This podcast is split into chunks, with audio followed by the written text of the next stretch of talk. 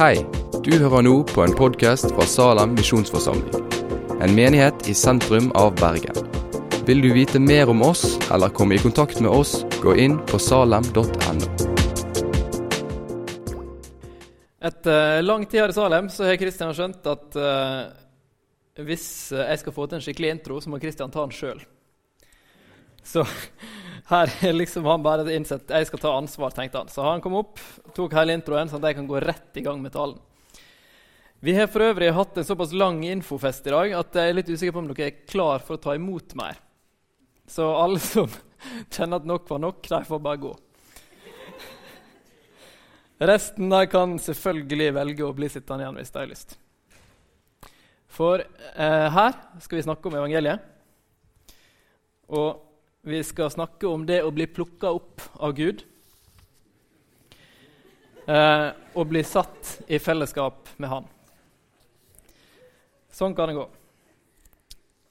Og vi skal begynne å lese fra Titus 2, 14-15.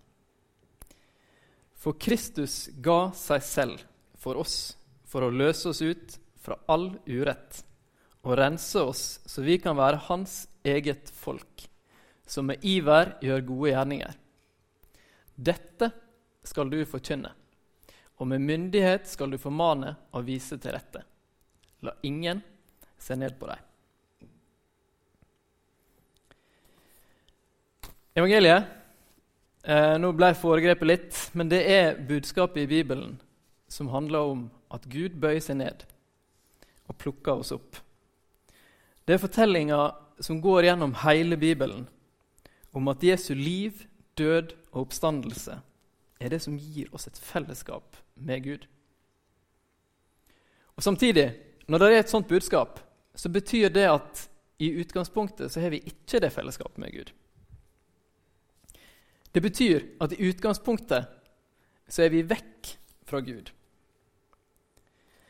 Vi skal se på i dag hvordan dette her evangeliet gjennomsyrer hele Bibelen. Alle de tekstene som vi i utgangspunktet tenker at dette kan umulig ha noe med et evangelium å gjøre. Og Grunnen til det er at vi skal prøve å forstå det mer, vi skal respondere det. Sånn at evangeliet ikke bare skal gjennomsyre Bibelen, men at det skal få gjennomsyre livet våre. Sånn at vi kan få dele dette livet han har gitt oss, med hverandre, og dele det videre med folk som ikke tror. Og Det første vi skal gjøre, er at vi skal begynne å lese fra Lukas. For eh, vi skal la Bibelen forklare Bibelen. Eh, og Vi skal lese fra Lukas 24, 19-27. Vi hopper midt inn i en tekst Eh, to disipler er ute og går ca. tre dager etter at Jesus ble korsfesta. De får plutselig følge av en mann som gir uttrykk for at han ikke har fått med seg det som de prater om, og som visstnok alle i Jerusalem har fått med seg.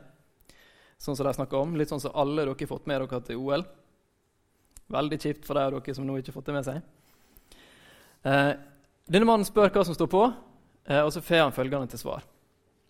Det her med Jesus fra Nasaret, svarte de. Han var en profet, mektig i ord og gjerning for Gud og hele folket.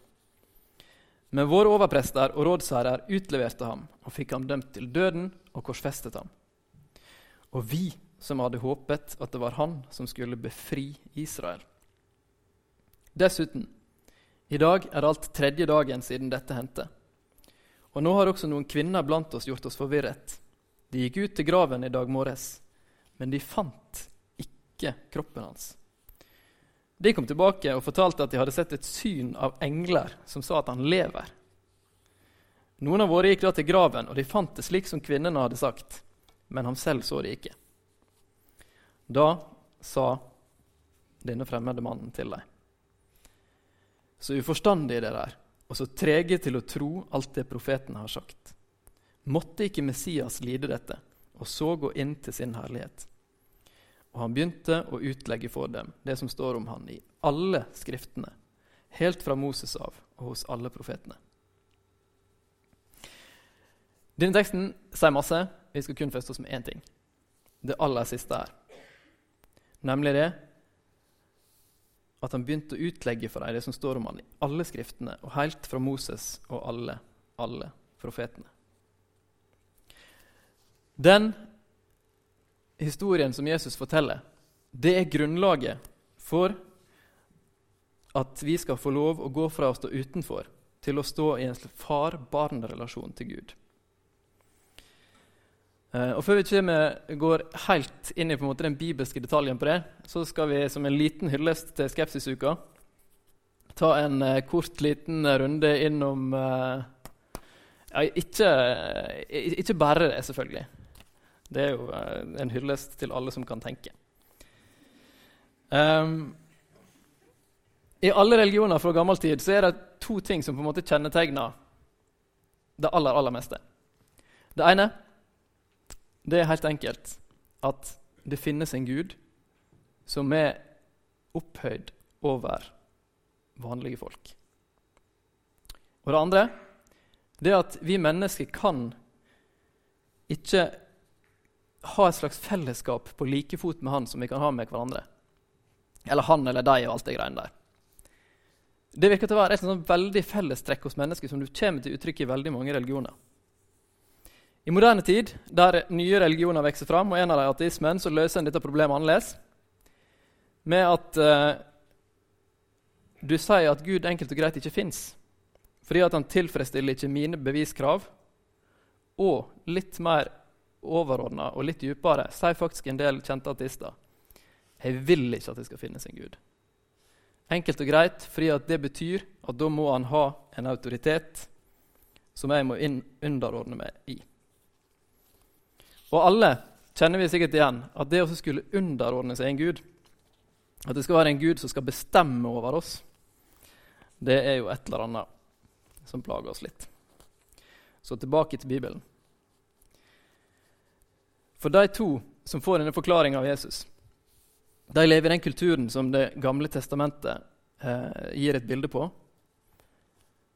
Og der var en av de måtene som mennesker skulle nærme seg Gud, det var at ypperstepresten skulle komme framfor Gud og levere en slags soning for dem. For når Gud lager ordninger og åpenbarer seg i Det gamle testamentet, så er det så åpenbart at han er hellig. Du kan ikke bare komme og si 'Hei, Gud. Lenge siden. Trivelig. Hvordan går det?'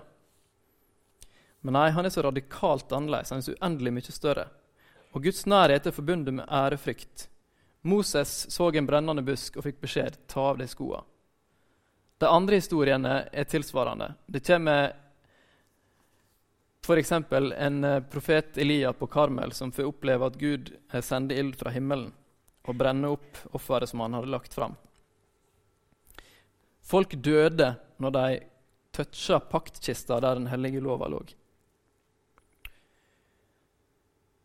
Alt understreka at Gud var hellig, og at mennesket egentlig ikke tålte hans sitt nærvær. Og Moses fikk beskjed av Gud om at eh, når noen har gjort noe galt, skal følgende skje. Så leser vi fra andre Mosebok, nei, tredje Mosebok, 5, 14-16. Herren sa til Moses.: Når en person synder av vannvare og forgriper på seg på det som er hellig for Herren, og slik handler troløst, da skal han komme med skyldofferet sitt til Herren. En feilfri vær av småfeet til skyldoffer, verdsatt i sølvsjekel etter helligdommens vekt. Han skal gi vederlag for sin synd mot det hellige, og i tillegg skal han gi en femtedel til presten. Presten skal gjøre soning for ham med skyldofferværen, så han får tilgivelse.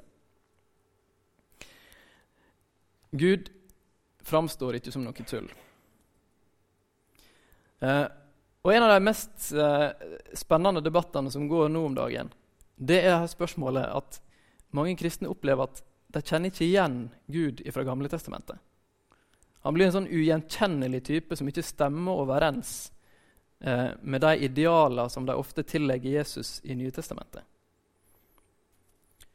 Og det er en Gud som krever offer, blir på en måte som et Er det et uttrykk for en litt sånn hevngjerrig og blodtørstig Gud? Og Hvis du er en av de som tenker det, så er du selvsagt fri til å tenke det. Eh, og jeg kan godt forstå det, for vår kultur er egentlig fullstendig blotta for referanse for å kunne forstå at noen er opphøya og heva over andre. Og faktisk i siste instans kan kreve livet av folk. Det er på en måte ingenting i vår vestlige, likhetsbaserte kultur som gir oss noen forståelsesreferanse på det. Vi har f.eks. et monarki som eh, har mye mer symbolikk enn makt. Eh, og som egentlig er sin eneste overlevelsesevne knytta til om de klarer å tilpasse seg, heller enn at de faktisk har noen autoritet. Vi er veldig sånn likhetsideal, og det er bra. Det er veldig bra. Det er faktisk helt strålende. Men når vi eh, dømmer Gud og sier at Gud, du kan ikke være sånn som jeg oppfatter at du framstår, så gjør vi oss til dommer, og vi tillegger negative motiv.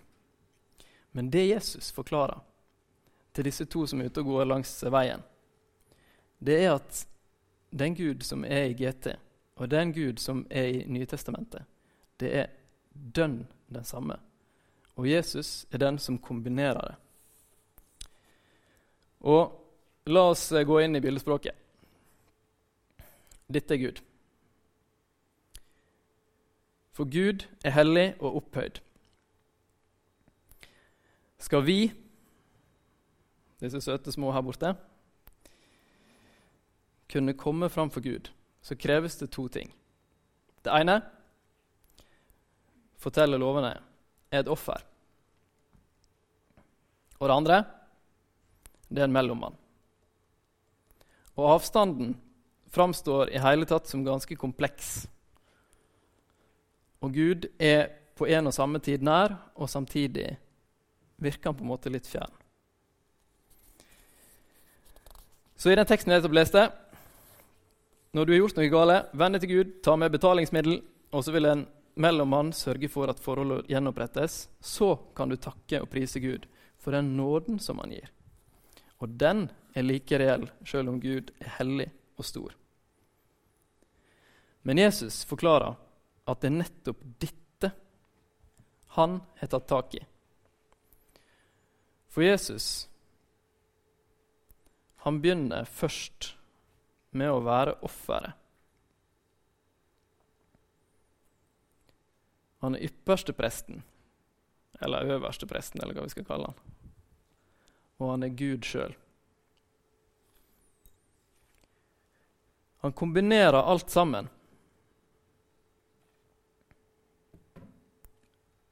Enkelt og greit, på en måte som gjør at den hellige Gud som vi møter i de store krava og de veldige tegna fra Gamle Testamentet. Han blir ikke noe mindre hellig, men han blir veldig, veldig masse mer nærværende. Han kommer faktisk helt ned til oss. Og så krever han ikke lenger et offer, men han er et offer. Han er en ypperste prest. Han er den som går imellom, og han er Gud sjøl. Og ikke bare det, men han løfter oss opp med seg. Han gir oss et evig liv, et fellesskap med han.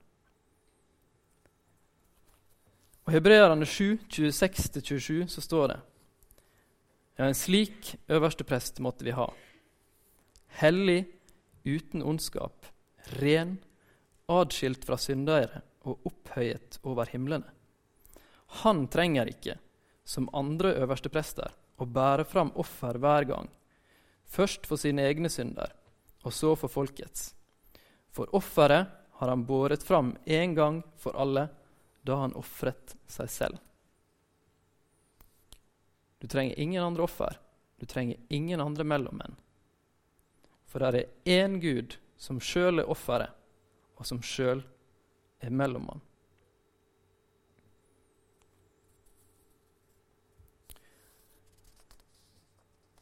Og Da er jo spørsmålet hva gjør dette her med hele vår forståelse av Gud, med hele vår forståelse av verden? For det er et eller annet dypt i oss som tenker at det er en Gud, og jeg når ikke opp. Og Bibelen sier det samme, men den sier også dønn tydelig at alt er gjort. Du skal kun få ta imot.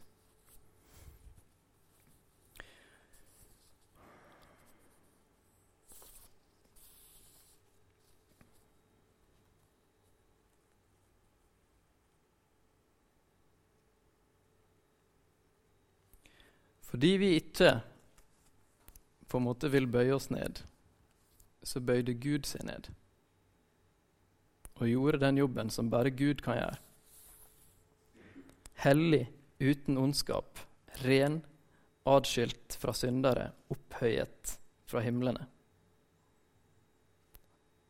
For offeret han har båret fram en gang for alle, var å ofre seg sjøl, om vi skal parafrasere det litt.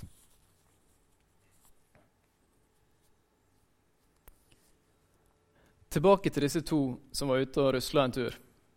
Eh, vi antar forresten at de gikk ca. 11 km, for alle dere som har lurt på den detaljen. Eh, så sier en av dem at vi håpet at det var han som skulle utfri Israel.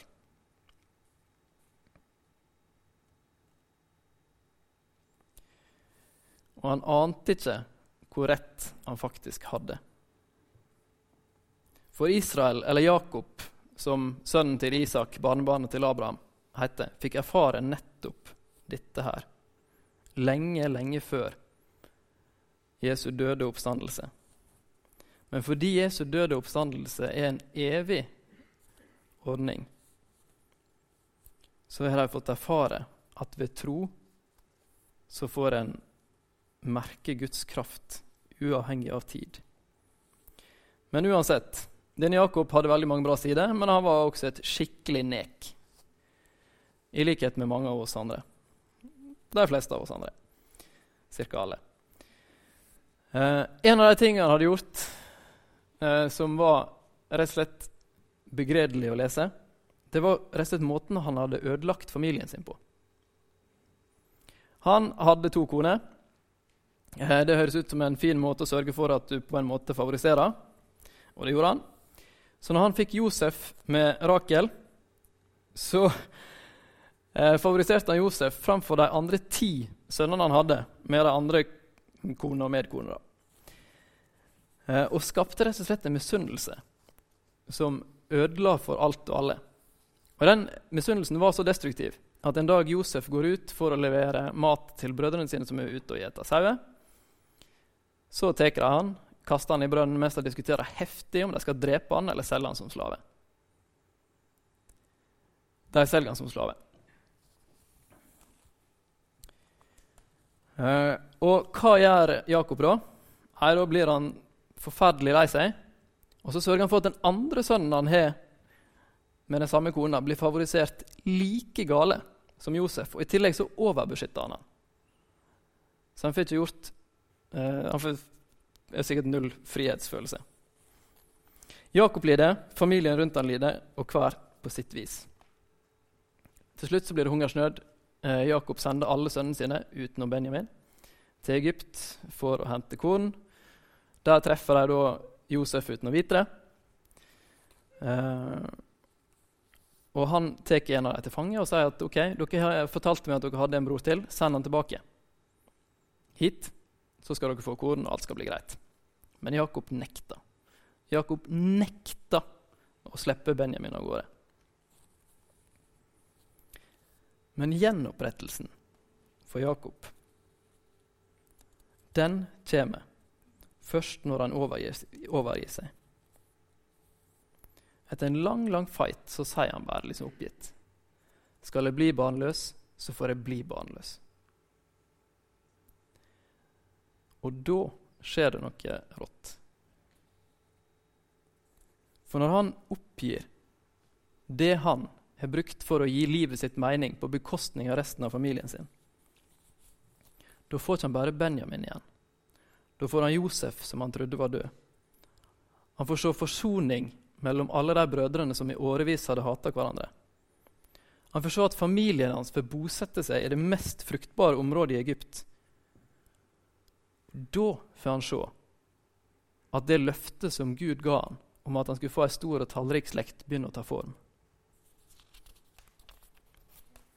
Idet han slapp det han hadde i hendene, idet han slutta å tviholde på det. Og det er det Jesus utfordrer oss på. Han vil ikke ha offer. Han trenger ingen mellommann. Han vil ha den direkte kontakten. Og det står i Hosea.: For jeg vil ha kjærlighet, ikke slakteoffer. Jeg vil ha gudskjennskap fremfor brennoffer. Og kjærlighet det har han gitt oss gjennom å sjøl komme ned. Kjennskap har han gitt oss gjennom å åpenbare seg i Jesus. Og Det er så lett å si at vi skal gi livet vårt til Gud. Men det Gud vil ha, er akkurat som med Jakob. Han vil ha det du holder fast på, og som du ikke vil slippe. Enten det handler om en mistillit til Gud, eller det handler om noe du vil ikke Gud skal, og andre skal få vite, eller noe med Gud som du ikke vil akseptere. Det eneste evangeliet ber oss om å gjøre, det er å legge ned det vi tviholder på. For Guds mål er å gjenskape alt sånn som det var før verden ble ødelagt av oss. Og allerede nå skal vi få begynne å smake på det. For i et fellesskap med Gud så kan Gud skape liv av det vi tror er dødt, akkurat sånn som han fridde ut Israel, akkurat sånn som han redda Jakob. Og det å dele evangeliet med hverandre betyr også å dele responsen på evangeliet. For evangeliet vil løse oss fra all urett og rense oss så vi kan være hans eget folk, som med iver gjør gode gjerninger. Og vi som tror, kan være et folk som tør å fortelle hverandre at livet med Gud er en gave, og at vi tør å være svake og innrømme at vi har ting som vi trenger å slippe, fordi at vi ikke fikser det sjøl. Teksten fra Hebreabrevet som vi leste i stad om, eh, om, Jesus som øverste prest, forteller at mennesket står helt dønn likt. Og Derfor skal vi få lov å være ydmyke og frimodige. Og kanskje har du et eller annet i livet ditt som du innser at Gud, jeg trenger å la dette her gå. Dette her er noe Kjære Gud, kan ikke du la dette dø? Kan du hjelpe meg å legge det av, sånn at det nye, sanne livet kan få vokse fram? Og Vi skal dele evangeliet, og vi skal dele responsen på evangeliet. Og Da er spørsmålet hvem vil du være med, ta med deg inn i relasjonen til Gud? Og hjelpe hverandre å legge fra oss ting hos Jesus? Er det forbederne her inne? som sitter klar etter talen for å be for deg. Og de har fått tillit av oss for at de skal kunne ta imot de som kommer. De har forplikta seg på at det de hører, det deler de aldri videre. Er det vennene dine, som du kanskje snakker om alt mulig om, men kanskje ikke tatt med inn i evangeliet og responsen på det? Kanskje trenger du en prat med sjelesørger og skal avtale en prat med Kristian eller noen andre. Men uansett Når Jesus sier at 'jeg har et liv som er uendelig rikt', og du har et, rikt, et liv som er ditt, men det er egentlig ikke ditt Hvis du vil gi det til meg, så skal jeg velsigne det så uendelig masse mer, sånn som Jakob fikk oppleve. Ta den utfordringa. Ta den utfordringa i livet ditt. For Guds nåde er blitt åpenbart til frelse for alle mennesker. Den oppdrar oss til å si nei til et ugudelig liv og verdslige lyster og leve forstandig, rettskaffent og gudfryktig i den verden som nå er. Mens vi venter på vårt salige håp, at vår store Gud og Frelser, Kristus Jesus, skal komme i herlighet. For Kristus ga seg selv for oss, for å løse oss ut fra all urett og rense oss, så vi kan være Hans eget folk, som ivrig gjør gode gjerninger. Dette skal du forkynne, og med myndighet skal du formane og vise til dette. La ingen se ned på deg. Da apostelen Philip hadde fått hjelp av både Jesus, meddisiplene og Den hellige ånd til å skjønne evangeliet og leve dette nye eh, livet i fellesskap med Gud, så får vi et fantastisk eksempel eh, på hva Gud kan gjøre, og hva han fikk lov å være med på. Vi leser fra apostelgjerningene 8, vers 26-40. En engel fra Herren talte til Philip og sa:" Gjør deg klar og dra sørover på veien fra Jerusalem til gata. Dette er en øde strekning. Philip gjorde seg i stand og dro av sted. Han fikk se en etiopisk hoffmann, en høy embetsmann som hadde tilsyn med skattkammeret hos Kandake, dronningen i Etiopia. Han hadde vært i Jerusalem for å tilbe. Nå var han på vei hjem og satt i vognen sin og leste fra profeten Jesaja. Da sa ånden til Philip, gå bort til vognen og hold deg tett opptil den. Philip sprang bort, og da han hørte at han leste fra profeten Jesaja, spurte han, forstår du det du leser? Liten timeout. Tenk han satt og leste høyt, faktisk. Hvordan skal jeg kunne forstå, sa han, når ingen forklarer det for meg? Så ba han Philip komme opp i vognen og sette seg ved siden av ham. Det stykket i Skriften han holdt på å lese, var dette. Lik en sau som føres bort for å slaktes, lik et lam som tier når det klippes, åpnet han ikke sin munn. Og da han var fornedret, ble dommen over ham opphevet.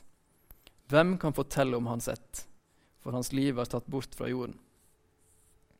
Hoffmannen sa da til Philip, si meg, hvem er det profeten taler om her? Er det om seg selv eller om en annen? Da tok Philip til orde. Han begynte med dette skriftstedet og forkynte evangeliet om Jesus for ham. Mens de kjørte langs veien, kom de til et sted hvor det var vann, og hoffmannen sa, Se, her er vann. Hva er til hinder for at jeg blir døpt? Philip svarte, Hvis du tror av hele ditt hjerte, kan det skje. Da svarte han, Jeg tror at Jesus Kristus er Guds sønn. Så lot han vognen stanse, de steg ned i vannet, både Philip og hoffmannen, og Philip døpte han. Da de steg opp av vannet, rykket Herrens ånd Philip bort, og hoffmannen så ham ikke lenger. Han fortsatte lykkelig videre på sin vei. Men Philip viste seg senere i Ashtod og har forkynt evangeliet i alle byene han reiste gjennom, helt fram til Cesarea. Det er én eneste ting eh, i denne teksten som Lukas, som skriver apostelgjerningene, ikke egentlig veit, men som han veit likevel. Og det han skriver, er at eh, da de steg opp på vannet, rykket Herren sånn Philip bort, og hoffmannen så ham ikke lenger. Men han fortsatte lykkelig videre på sin vei. Lukas var ikke der og så at han fortsatte lykkelig på sin vei, men han visste at etter han har fått tatt imot evangeliet om Jesus, etter han har fått skjønt det han leste, så gjorde det noe med livet hans som endra det. Og det tilføres et nytt liv, det tilføres kraft i et liv som vil oppdage evangeliet, respondere på det og dele både evangeliet og vår ærlige respons på det med de som tror, og de som ikke tror. Han fikk et enkelt spørsmål. Snakka han om seg sjøl, denne profeten, eller snakker han om en annen? Og Siden Philip kjente Jesus, så kunne han si at vet du hva? Han snakker så definitivt om noen annen. Han snakker om en som er så uendelig masse større enn seg sjøl. Og på samme måte som disse bibeltekstene der er sanne historier om hvordan Gud har grepet inn i verden, så vil Gud gripe inn i verden gjennom at vi tar med imot evangeliet, enten for første gang eller på nytt, og lar Jesus få forme oss. Ikke bare nå, men helt inn i evigheten. Hopp på toget. Evangeliet er tydelig. Gud sjøl har vært sonofferet. Gud sjøl har åpna for et fellesskap med Han som åpner en uendelig sluse av velsignelser. Og alt Han ber om, er alt vi bærer. så han kan få gi sitt. Hopp på toget. Ta imot. Responder. Takk for at du har hørt på podkasten fra Salem, Bergen. I Salem vil vi vokse i et stadig dypere fellesskap med Gud og med hverandre. Vi vil være Jesu hender og føtter, og vi vil være med å forkynne frelse for Bergen og resten av verden.